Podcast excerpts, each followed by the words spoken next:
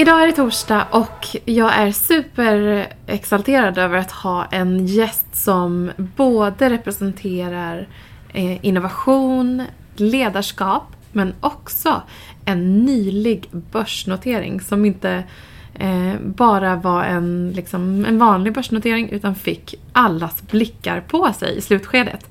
Ja, du har förmodligen gissat rätt vem det är som sitter här i Feminvest-studion idag. Det är Maria Hedengren, eh, tidigare finanschef på iSettle och var ju otroligt nära en börsnotering där också.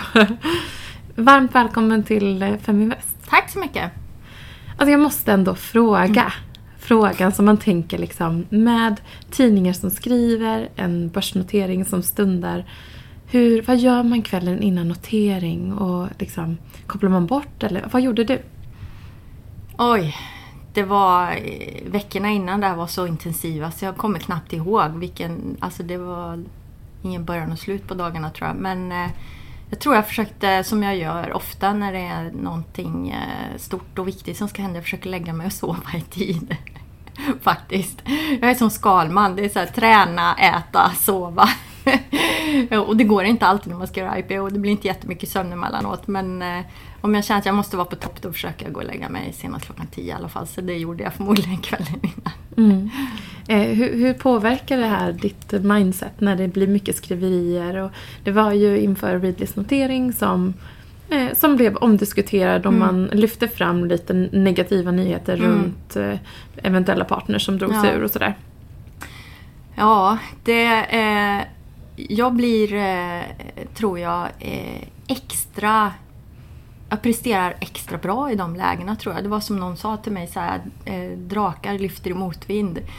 Och jag brukar tänka på när jag var liten och höll på med laghoppning. Och ofta satte de mig sist att rida om man är flera stycken. Därför att om vi låg under så red jag alltid extra bra liksom.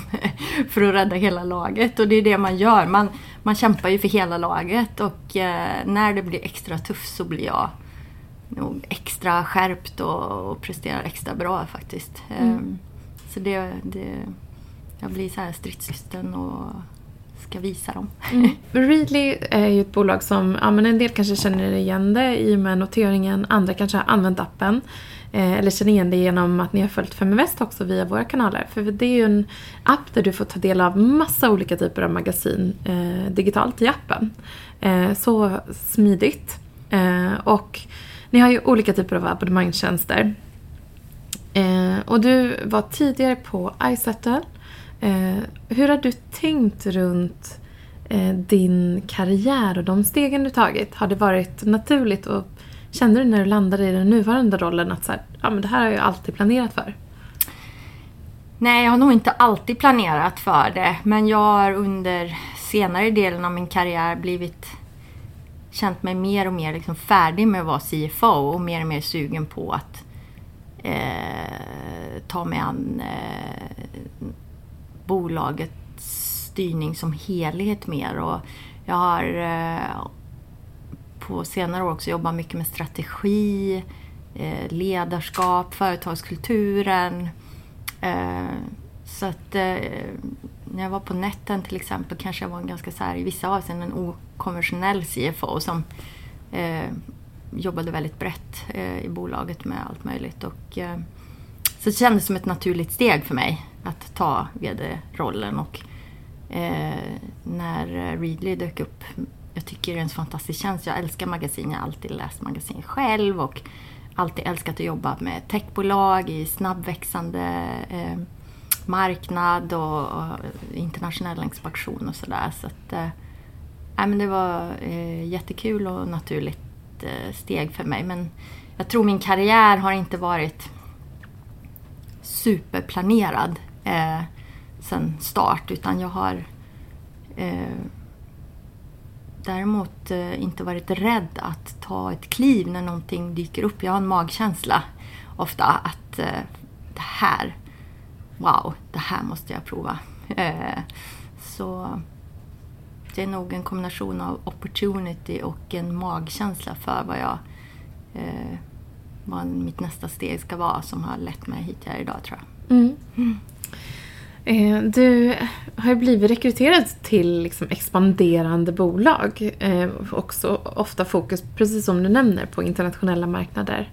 Eh, har du några bra råd att dela med dig av för den, för den som står i liknande tankar eller med liknande ambitioner? Mm. Jag tror generellt sett när man jobbar med snabb tillväxt och eh, vill säkerställa att fortsätta att växa snabbt. Eh, mycket mycket tror jag hänger på företagskulturen. Det är väldigt lätt när ett bolag kanske börjar växa, kommer upp i en viss storlek, börjar expandera till olika länder. Att, att det skapas eh, liksom så här hierarkiska strukturer och man kanske måste ha ett organisationsschema som visar så att folk kan navigera, vem är vems chef och sådär. Men att man inte låter det eh, definiera liksom, hur man leder bolaget. Jag tror väldigt mycket på, för att man ska kunna vara snabbrörlig, att eh, man måste ha självdrivande medarbetare som törs ta egna initiativ, eh, att det är snabba beslutsvägar. Ehm, annars tror jag man tappar tempo. Och det kan vara extra krångligt tror jag när det gäller att expandera internationellt. Vi har en en väldigt fin, tycker jag, företagskultur i Sverige som jag tror är en av så framgångsfaktorerna för den svenska techindustrin. Att vi har högt i tak, eh, tar vara på eh, individers innovationsförmåga, initiativ och lagarbete, platta organisationer. Jag tror att det har bidragit till snabb tillväxt och innovation i Sverige. Men ibland stöter man då på väldigt radikalt annorlunda kulturer inom företagslivet i andra länder. Eh, och jag tror att eh, det är väldigt viktigt att förstå lokal kultur när det gäller konsumtionsbeteenden till exempel och kunden. Eh, inte tro att det är United States of Europe till exempel, att överallt så kommer alla att svara på samma sätt på olika typer av reklam eller produkter och sådär. Men men min personliga övertygelse i alla fall, det är att när man tittar på hur man leder bolag så kan man inte ta för mycket hänsyn till vad, man, vad det finns för lokala strukturer och kulturer om man har en övertygelse om vad som är rätt sätt att leda bolaget. Så att man inte får så här tio olika företagskulturer och sätt att hantera utan att man, man ändå eh, driver på att nej men vi har en företagskultur, så här funkar det hos oss. Mm, bra tips, verkligen. Eh, och eh, du har ju liksom haft olika roller som du sa tidigare, mycket liksom finansiell, eh, finansiellt fokus nu till att faktiskt förflyttas över och styra hela bolag. Ehm, och sen så har det ju varit en unik situation med iSettle eh, där du fick förhandla om, att, eh, om ett uppköp helt enkelt. Kan inte du berätta lite om den situationen? Eh, ja, det var ju en del som spekulerade i att iSettle körde en dual track-process. Och så, men jag tror också att många har förstått eh, genom media så här i intervjuer att det var inte det. Utan eh, vårt huvudspår var att bolaget skulle börsnoteras. Eh, och sen eh, visade Paypal intresse ganska sent i processen. Eh, så att det var huvudfokus på att göra bolaget redo för börsen och det tror jag är ett väldigt viktig förutsättning för att man också skulle kunna genomföra en, en ett förvärv eller att bli uppköpt. Att, eh, istället tror jag för att gå ut och liksom försöka sälja sitt bolag så tror jag man ska fokusera på att göra det man brinner för. Att, att businessen ska vara framgångsrik och bära sig själv. Och att man har ordning och reda. Att man kan sina siffror, man har järnkoll på hur bolaget presterar, att man kan forecasta och sådär och att man har ingen så här skit under mattan liksom utan att IT-säkerhet och eh, finansiella siffror och så, att man har riktigt bra koll. Eh, då är man också väldigt väl rustad för att om det sen dyker upp en spekulant och man vill sälja bolaget, att man, då har man en mycket bättre förhandlingsposition tror jag. Eh, och det behöver inte dyka upp så jobbiga överraskningar under processen som omkullkastar processen eller som gör att man, det blir rabatt på priset och sådana saker. Mm. Eh, kan inte du berätta lite om Readlys affärsmodell eh, och hur ni liksom ser på framtiden? Mm. Eh, Readly är ju som du sa, det är en, en, en app, det är en prenumerationstjänst så att i Sverige betalar man 99 kronor och för det får man läsa precis hur mycket man vill av alla titlar vi har. Vi har eh, nästan 5000 titlar idag från 11 länder och vi har Eh, massor med svenskt innehåll men även mycket brittiskt, amerikanskt och sådär. Många magasin som uppskattas av folk över hela världen. Eh, och eh, ofta så får man testa produkten ett par veckor eller en månad gratis i början för att se om man eh, tycker det är intressant att fortsätta då. Och eh, våra prenumeranter eh, stannar ofta väldigt, väldigt länge, använder appen år ut och år in. Ehm, och ehm, vi producerar idag inget innehåll själv utan vi är en, en plattform för andra förlag. Vi jobbar med ungefär 800 förlag idag globalt. Och eh, då distribuerar de, de skickar sitt innehåll till oss, sina magasin, så laddar vi upp dem. Eh, och så får de ta del av våra intäkter. Så vi delar, eh, det, olika avtal skiljer sig något åt men vi har inget avtal där vi delar mindre än 50 procent i alla fall. Många får mycket mer än det. Ehm, så dessutom så får de tillgång till data. Vi har ju 30 miljarder datapunkter idag som vi har samlat på oss. Så att vi är extremt datadrivna och vi tycker också det är viktigt att dela med oss av data till förlagen. För på det sättet så får de hjälp att optimera sitt innehåll. Eh, se exakt vilka typer av annonser och artiklar som folk läser mest och vilka omslag som attraherar mest eh, intresse. Är det och, något som har förvånat dig där? Eh, ja, man ska säga så här, vi ser ju inte persondata. Men vi kan se oftast om det är en man eller en kvinna till exempel, hur gamla de är och sådär. Jag tror ibland kan man väl bli, ja men det kan vara kanske inte förvånad men ändå intressant att se vad läser folk när ingen ser. Eh, att sådana här traditionella föreställningar om vad kvinnor och män läser eh, blir lite inkullkastat tror jag. Att det, eh, sånt tycker jag är intressant att se för att eh, det är ingen som ser vad du plockar ner på Pressbyrån liksom och köper. Och man kanske i normala fall kanske inte hade betalat för den typen av innehåll heller men när man har tillgång till det eh, så breddar folk sitt eh, sitt perspektiv på vad de tar till sig för typ av innehåll. Så sånt tycker jag är spännande att titta på trender och eh, om det är olika trender i olika länder till exempel och sådär. Eh, väldigt stort teknikintresse i Tyskland till exempel och bilar och sådär. Eh, I Sverige är det lite mer kvinnor som läser, i Tyskland är det lite mer män. Men totalt sett så globalt snitt är det lika mycket kvinnor som män. Och eh, vi har en ganska stark tra eh, tradition inom magasin i i Sverige. Det kanske finns en del förutfattade meningar om att det är mest kvinnor som läser magasin men det är faktiskt ganska jämställt skulle jag vilja säga om man tittar på Readlys eh, universum så uppskattar männen att läsa lika mycket och de läser också om mode ibland eller skvaller och vad det nu är för någonting. Så att, eh, sånt mm. är kul. Ja, intressant. Eh, och det är sånt som verkligen går i kultur, eller i arv tänker jag. Alltså jag vet att min, min familj har väl, all, mamma läser väldigt mycket om sport och liksom, hon är väldigt sportig och min familj är det. Medan min, eh, min killes familj, de är, älskar skvaller. Mm. eh, och liksom läser väldigt mycket om, om det. Då. Och det är så här, man ser att ja, nästa generation också går åt det hållet. Mm. Det är också väldigt lite kul tycker mm. jag. Eh, men du har ju i stort sett varit ett listat bolag nu i ja, men en månad, om ett par dagar. Har det här förändrat ditt sätt att, att, att se på verksamheten? Eller hur kollar du på aktiekursen exempelvis? Och sådär? Jag försöker inte kolla på aktiekurser för ofta men det är klart att jag är inne varje dag och kollar. Men eh, jag är väl intresserad av att se hur det går på hela börsen och sådär också. Men eh, alltså man kan ju inte låta sig styras av aktiekursen. Vi har ju gjort en börsintroduktion för att finansiera vår strategi och bredda vår aktiebas eh, med eh, ägarbas och eh, ja, men det är också ett sätt att vi är en, en consumerprodukt. Vi har väldigt många privatpersoner som har köpt aktier i Readly. Jag tror om vi tittar på Avanza så är vi det midcap-bolag som har näst flest privatpersoner som är, som är aktieägare. Så det är jättekul.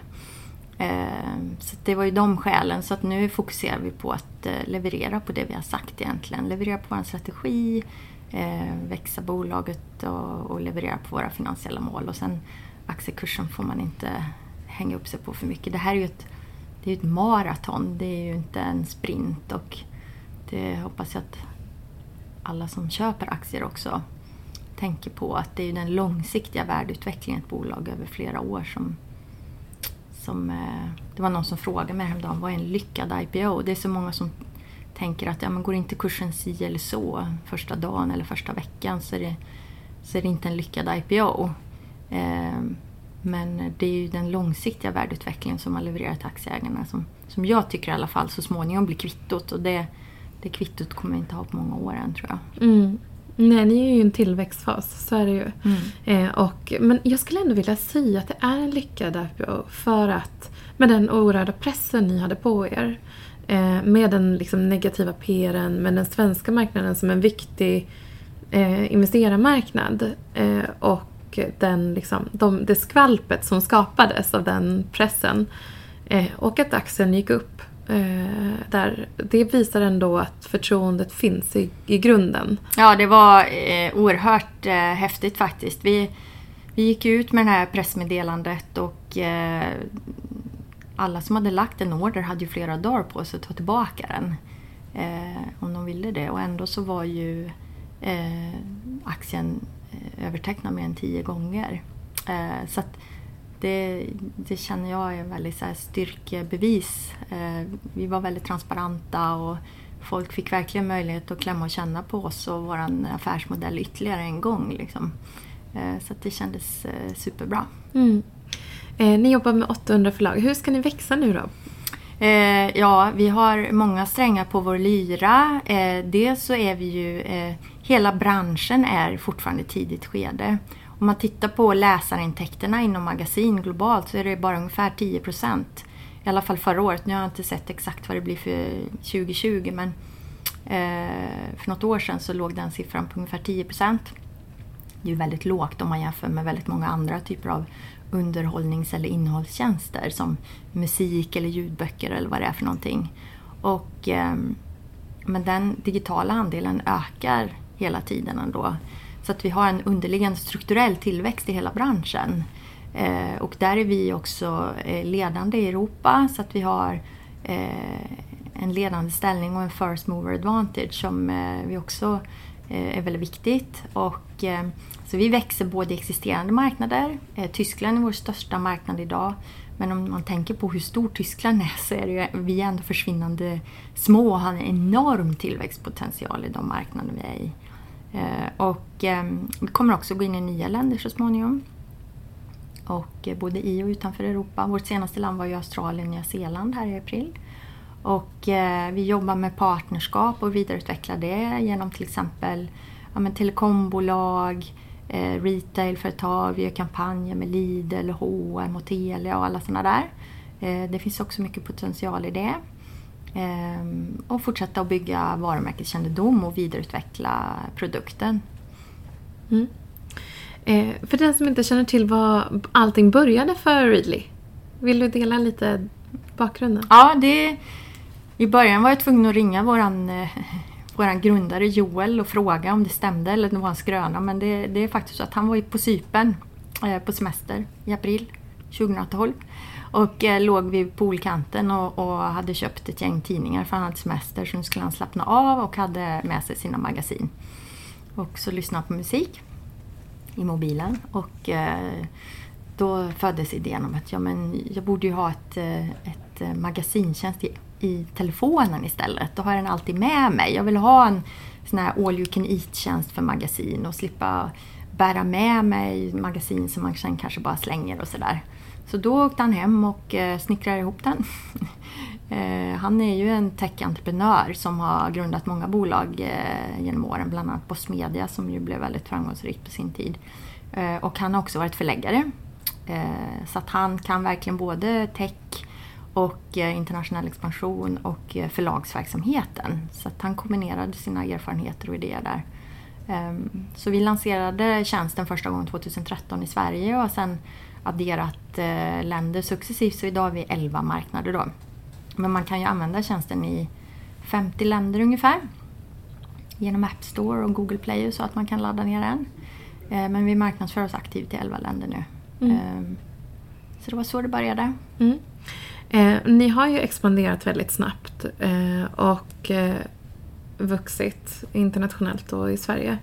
Eh, har du några tips och råd att ge till entreprenörer som vill växa om hur man ska tänka runt ägare eh, och tillväxt? Mm. Um, jag vet inte om jag har några så här äh, unika insikter som inte många redan också tänker på men jag tror att när man eh, kommer till det stadium att man ska börja ta in externt kapital då, då tror jag man ska verkligen tänka är det här någon som det är lätt kanske att bli bländad av att det kommer så riskkapitalbolag eller ängelinvesterare som eh, vill liksom ge en pengar eh, och tycker att man har en fantastisk business och sådär. Men man ska tänka då på att det är som ett, ett giftermål någonstans. Eh, att man ska eh, förhoppningsvis samarbeta i många år. Och, eh, så jag tycker man ska både ta direkta och indirekta referenser till exempel hur är det att jobba med de här personerna. Eh, hur agerar de i styrelser till exempel om de ska ingå där? Eh, och eh, ja, men fundera lite på om vi ska resa mer kapital i framtiden. Kommer jag orka hänga med med min prorata till exempel eller kommer jag bli utspädd? Vad är minimum så här, bestämmande rätt som jag eh, och mina medgrundare, om jag har några, kan tänka sig att eh, ja, leva med. Ehm, så att eh, göra mycket så här due diligence på de, eh, de personerna som man tar in helt enkelt för att mm. det ska fungera på, i många år. Liksom. Mm. mm. Bra, tack för de tipsen. Um, vad tror du då om liksom, den framtida... Hur kommer konsumenten att läsa tidningar och publikationer? Vad tror du kommer hända? Nej, men jag är ju... Det är det, vi har ju en väldigt stark övertygelse om att framtiden är digital även för magasin. Sen tror jag att jag tror att magasin i printversion kommer att leva kvar i någon omfattning under en ganska lång tid. Eh, vad man märker idag är att många eh, brands de investerar i, satsar på eh, extra fint papper och liksom gör mycket så här coffee table-stuket, att man adderar den typen av värde. Så man kanske både har digitala kanaler eh, för masskonsumtionen men man har ändå eh, en viss upplaga print som är lite extra fin och sådär som en del uppskattar att ha. Men jag tror att mer och mer kommer folk att läsa digitalt och nu vet vi ju inte, än har vi inte facit på vad den här hemska pandemin kommer innebära men, men det är ju så att eh, hela förlagsbranschen har verkligen det tufft idag och eh, nu får vi se om det kommer en andra våg här men under våren det var ju jättetufft eftersom folk inte var ute och inte knappt ville ta i papper papper om de ens gick utanför dörren. Eh, så att det skulle förvåna mig om inte digitaliseringstakten eh, på lång sikt kanske accelererar i och med det här.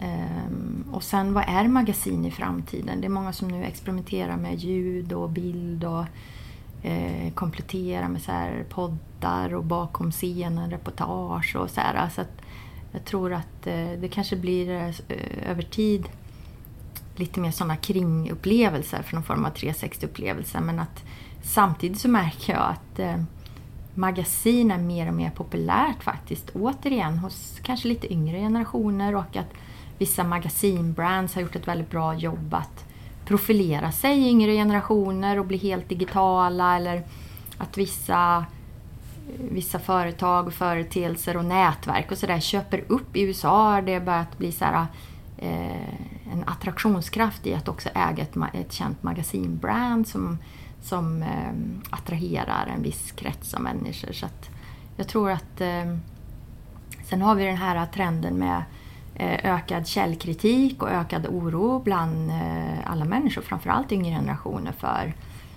eh, desinformation och eh, alla studier jag har sett tyder på en ökad vilja att betala eh, för eh, kvalitetsinnehåll Eh, Eh, och att i studier som vi har sett så har magasin har det högsta nivån av förtroende bland konsumenter idag. Eh, man litar mer på det som står i magasin än det som står i dagstidningar och på TV och radio.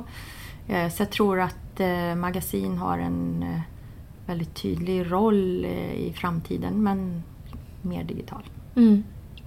I varje roll eller varje liksom steg man tar så får man ju liksom ta möjligheter. Och du nämnde tidigt att du var vågade ta de möjligheterna. Eh, men vill du dela med dig av utmaningar som man kanske inte... För om, man kollar på dig utifrån så tänker man så här, Ja, vad härlighet. Hon var med på iSettle och gjorde en sån grym exit där. Vidare på Rayleigh. Ja, men det gick ju toppen det också. Liksom, trots eh, det som ja, liksom negativ PR eller så. Eh, men vad, eh, vad, vad har du mött för utmaningar? Oj, många. Eh, nej men det började ju egentligen skulle jag vilja säga på dotcom-perioden. Mitt första CFO-jobb eh, inom tech eller IT som det hette då, det var ju eh, år 2000. Eh, jag var CFO på ett börsnoterat IT-bolag. Ehm, och precis bara månader efter jag hade blivit anställd så kom den här dotcom-döden, kraschen. Och alla bolag, Framfab och Ikon, alla de här från att det var stjärnor bara föll och eh, det påverkade ju det bolaget jag var på också. Så att jag var med om att säga upp så här två tredjedelar av personal under en tid och vi sänkte löner och jag satt varje dag och räknade hur länge pengarna skulle räcka och vi var tvungna att refinansiera och sådär. Eh, och det var ju otroligt eh, tufft. Ehm, det var en bra skola. Man lär sig hålla i pengar. Ehm, men ehm, det gick ju bra. Till slut så eh, vände vi och eh, fick svarta siffror till slut och hade finansierat bolaget och sådär. Så att eh, man blir härdad. Ehm, sen har ju alla bolag har väl varit med om olika svårigheter. Jag kan bara säga på iSettle, det var ju en enormt tuff process att att eh, gå igenom en börsintroduktion även om vi inte slutligen hamnade där. Men, och mitt, eh, mitt uppe i alltihopa så gick min mamma bort så att eh, jag tog, eh, checkade ut ett antal veckor och bara satt eh, vid hennes dödsbädd. Och eh, sen kom tillbaka till jobbet så ja, men då fick man liksom stoppa ner det där någonstans i någon vrå inombords och bara köra på. Och så två veckor efter hon hade gått bort så stod jag på scen inför ett hav av liksom analytiker och sådär och skulle verkligen prestera och berätta om bolaget och hur fantastiskt det var. Så, där. så att det är några sådana här äh, riktigt tuffa perioder i mitt liv som jag har tänkt på. Och då, då blir man ju också... Jag tror jag är redan som från barnsben ututad. Man ska vara så stark liksom. Och inte visa människor eh, att man är svag eller att man klarar sig. Och, eh, man måste så här, ingjuta hopp och förtroende hos sina medarbetare och sådär. Eh, ibland kan det vara bra att, lätta lite på locket också och vita, visa folk vad man går igenom. Eh, man kan ju inte bryta ihop inför personalen kanske men att man... Det är någonting som jag har fått kämpa med tror jag, att eh, våga liksom eh, visa mig svag också. Eh, ehm, ibland. Mm. Ehm, och det kanske blir extra påtagligt i rollen som VD. Ja. Då som, I och med att du har mm. flyttat liksom, mm. fokus och jobbar mm. lite större. Ja. Eh, för det blir ju mer, mer fokus på att få med sig medarbetarna liksom, genom hela organisationen. Eh, och eh, jag kan inte... Ja, det är svårt att relatera till, för man känner ju väldigt djupt med dig när du berättar om en sån typ av situation man måste känna sig ganska liten i den, i den, den dagen när man mm. står där och känner mm. att så här, nu ska jag verkligen leverera. Mm. Men om man, om man då fokuserar på, liksom, på företaget, teamet. Du har nämnde tidigare också just att, att säkerställa att om man har en tydlig vision om vad företaget ska leverera eh, i liksom, företagskultur så, så kör på det oavsett vilket land. Eh, tweaka inte för mycket och anpassa inte för mycket. Eh, men hur bygger man ett, en bra sammanhållning och ett bra team? Mm. Ja, det är väl det alla ledare håller på, alla författare. Jag vet inte hur många spaltmeter som har skrivits och talats på TED-talk och allt möjligt om det här. Så jag vet inte om jag är, har knäckt nöten än, men jag jobbar på det. Jag tror väldigt mycket handlar om eh, Jag tror det börjar redan vid rekrytering. Eh, att eh, vara väldigt så här, eh, klar på vad det är man söker för ty- vad är det man vill ha för typ av beteenden och kultur. Och sen eh, så tror jag att eh, i viss utsträckning kan folk eh, anpassa sig eller eh, man kanske öppnar deras ögon för saker som de ändå har inom sig. Men jag tror alla passar inte på alla typer av företag. Eh, det finns inget rätt eller fel, det finns bara olika. Och då gäller det tror jag att hela tiden jobba med hur, hur kan vi attrahera och hitta de medarbetarna som inte bara har rätt CV Eh, utan faktiskt också vi tror kommer att trivas i den här företagskulturen och kommer förstärka den. Ehm, så det är en väldigt grundläggande sak och det tar ju, om man vill göra en förändring av företagskulturen så tar ju det väldigt lång tid till exempel. Ehm, men ehm, annars så tror jag jobba mycket med ledarskapet och få alla ledarna att inse att man är förebilder. Att man inte bara är där för att fördela arbetsuppgifter utan att folk gör inte som man säger, folk gör som man själv gör. Så det tror jag är det mest effektiva sättet om man vill skapa en viss företagskultur också. Att se till att eh, ledningsgrupp och även alla mellanchefer och så verkligen att man har buy-in i vad det är vi ska stå för och eh, kan leva det hela dagarna. Då tror jag väldigt mycket annat faller på plats. Mm. Um, och jag tänker också att lite som du sa, att våga vara lite transparent och alltså, dela med sig av någonting eh, som gör att man får förtroende i högre utsträckning. Mm. Det är ju kanske ett, ett svenskt typ av ledarskap på ett sätt. Alltså, Säkert, jag har bott ja. i London i många år och där var det ju väldigt mycket mer hierarkiskt. Ja.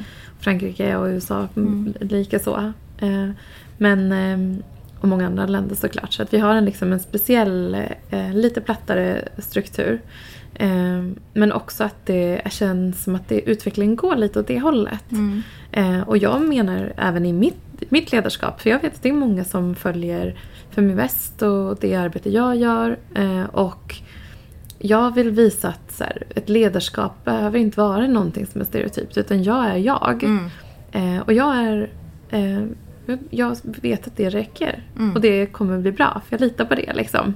Mm. Eh, och Det kan vara ett mjukare uttryck kanske än vad någon annan eh, kvinnlig eller manlig ledare har. Eh, men det funkar också. Mm. Eh, och det, känns, det känns som att det finns mer utrymme idag än någonsin tidigare. Att, mm faktiskt leda på olika sätt. Ja, det är ju superhärligt att du upplever det så. Att, eh... mm. Härligt. Ja, eh, det är ju höst och man vill ju krypa ner med en filt och tända doftljus och så vidare och läsa någonting. Har du några spännande tips att dela med dig av? Nej, men om man tittar på jag, vad jag läser själv. Jag är eh, lite fanatisk på inredning just nu. Eh, så jag läser en del inredningstidningar. Residence till exempel är en favorit. Jag tycker det är så härliga, härliga bilder och reportage som jag blir inspirerad av. Och så läser jag ja, men, så här, mode och så. Um, nu har vi ju en hel del dagstidningar också. kan man bläddra lite om vad som har hänt. Um, men uh, annars så... Jag lyssnar väldigt mycket på musik faktiskt. Um, när jag inte läser magasin. Mm. eh, ibland läser jag poddar men då läser jag oftast ganska så här, eller lyssnar på korta poddar och sådär. Annars lyssnar jag jättemycket på musik. Mm. Eh, och sen så känns det ju som viktig fråga att lyfta. Jag förstår ju på ett sätt, techbolagen har gått oerhört bra i den här krisen som har varit. Ja. Men man vill ju inte utesluta frågan om hur man blivit påverkad av, eh, av pandemin. Ja. Hur har ni påverkats? på olika sätt. Om man tittar på branschen helhet, så jag tror jag nämnde det förut, så har ju förlagsbranschen det otroligt tufft. Eh, och eh, Ehm, sen är det ju så här att ur eh, eh, ur svåra tider så växer styrka och innovation också. Och eh, jag tror som sagt var att eh, det är mer och mer eh, digitalt eh, som står i liksom korten för magasinbranschen framgent. Och Eh, vi såg ju också ett ökat digital konsumtion under de här, speciellt de här mest hårda lockdownperioderna som var där i mars-april. Så såg vi en, en rejäl ökning i, i både lästid hos befintliga prenumeranter men också nya prenumeranter som kom in i tjänsten i till exempel Italien och UK som ju var värst drabbade då. Eh, det är de väl fortfarande men om man tittar på lockdown och sådär.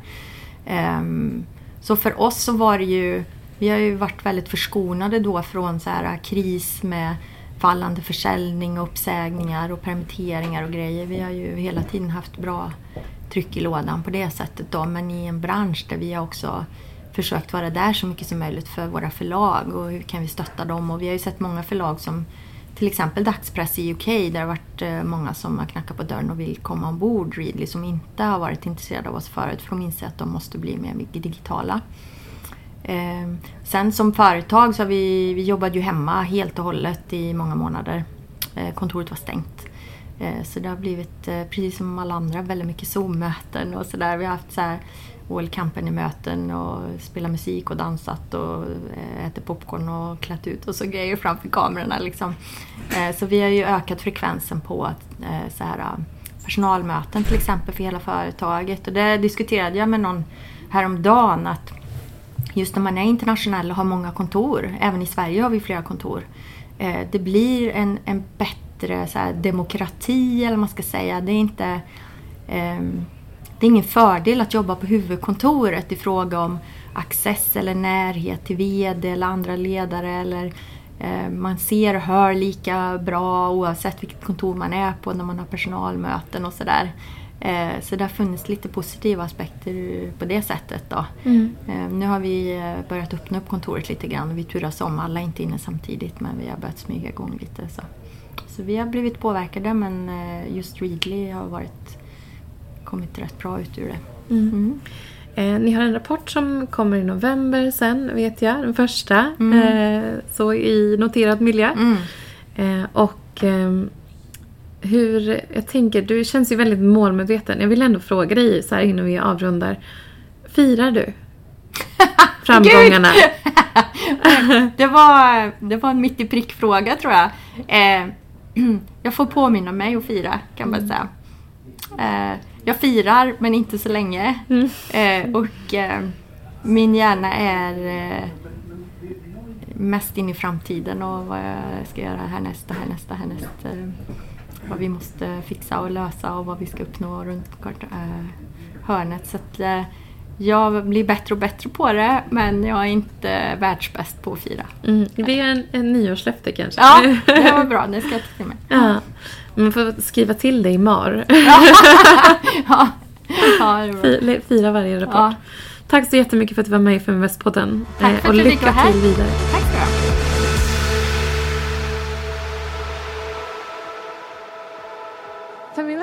är Sveriges största investeringsnätverk för tjejer. Vi vill att allt fler ska våga äga och förvalta. Och hur gör vi då detta? Jo, vi vill inspirera, utbilda och utmana runt ägande, investeringar och entreprenörskap. Följ Feminvest på våra kanaler Facebook, Instagram, Youtube. Varje vecka så kommer vi även ut med en podd och du kan ju självklart även följa nyheterna som publiceras på feminvest.nu. Det är bara att söka på Feminvest på samtliga kanaler så hittar du till oss.